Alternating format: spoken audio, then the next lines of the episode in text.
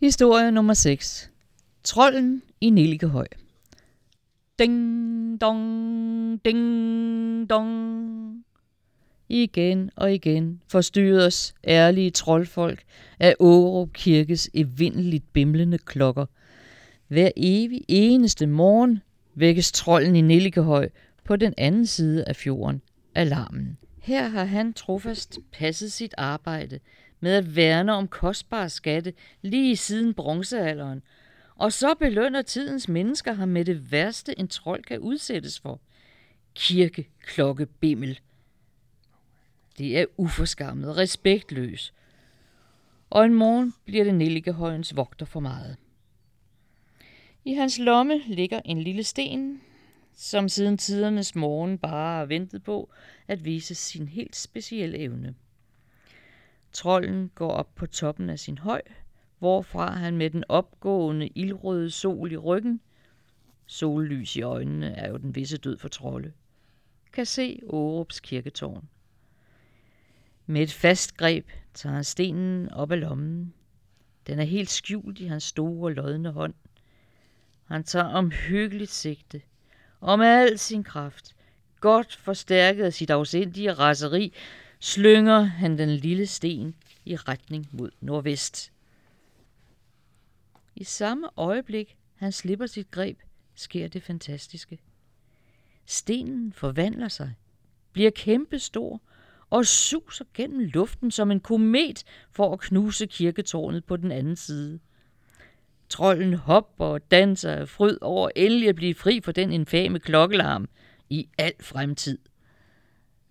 Men ark og ve. Enten var kastet ikke kraftigt nok, eller måske ramte en solstråle stenen i luften. I hvert fald nåede den ikke sit mål, men landede i vandet med et ordentligt plask midt i tempelkrogen. Her ligger den den dag i dag på det nu tørlagte land, og man kan tydeligt se trollens fingeraftryk. Den har selvfølgelig fået navnet Lommestenen. Årups kirkes klokker kan stadig høres fra sit intakte kirketårn. Stakkels trold.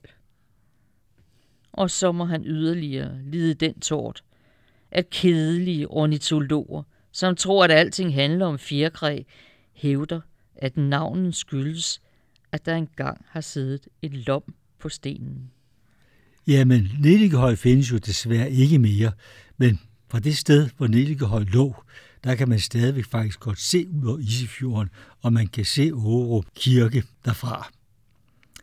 Øh, højen, der jo ligger noget nord for Vester Soby, blev udgravet i 1933 Nationalmuseet, fordi amtet var begyndt at tage fyld for højen til udbedring af landevejen. Og herved fremkom der syv rigt udstyrede bronzealdergrave med guldfingerringe, svær knive, bælteplader, bøjlenåle, spiraler i bronze, mængder af små rør til store hængesmykker. Så trolden har altså virkelig haft noget at vogte over.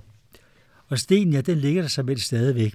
Men nu er der på det sidste sket det, at der er blevet gennemført et vældigt naturgenopretningsprojekt, sådan at hele området, der tidligere var afvandet, nu er sat under vand igen. Øh, for at stenen ikke skulle ligge for dybt, så er den blevet løftet 25 cm op efter, og man kan komme frem til den både fra landsbyerne Ordrup og fra landsbyerne Ågerup til fods eller på cykel af Isefjordstien.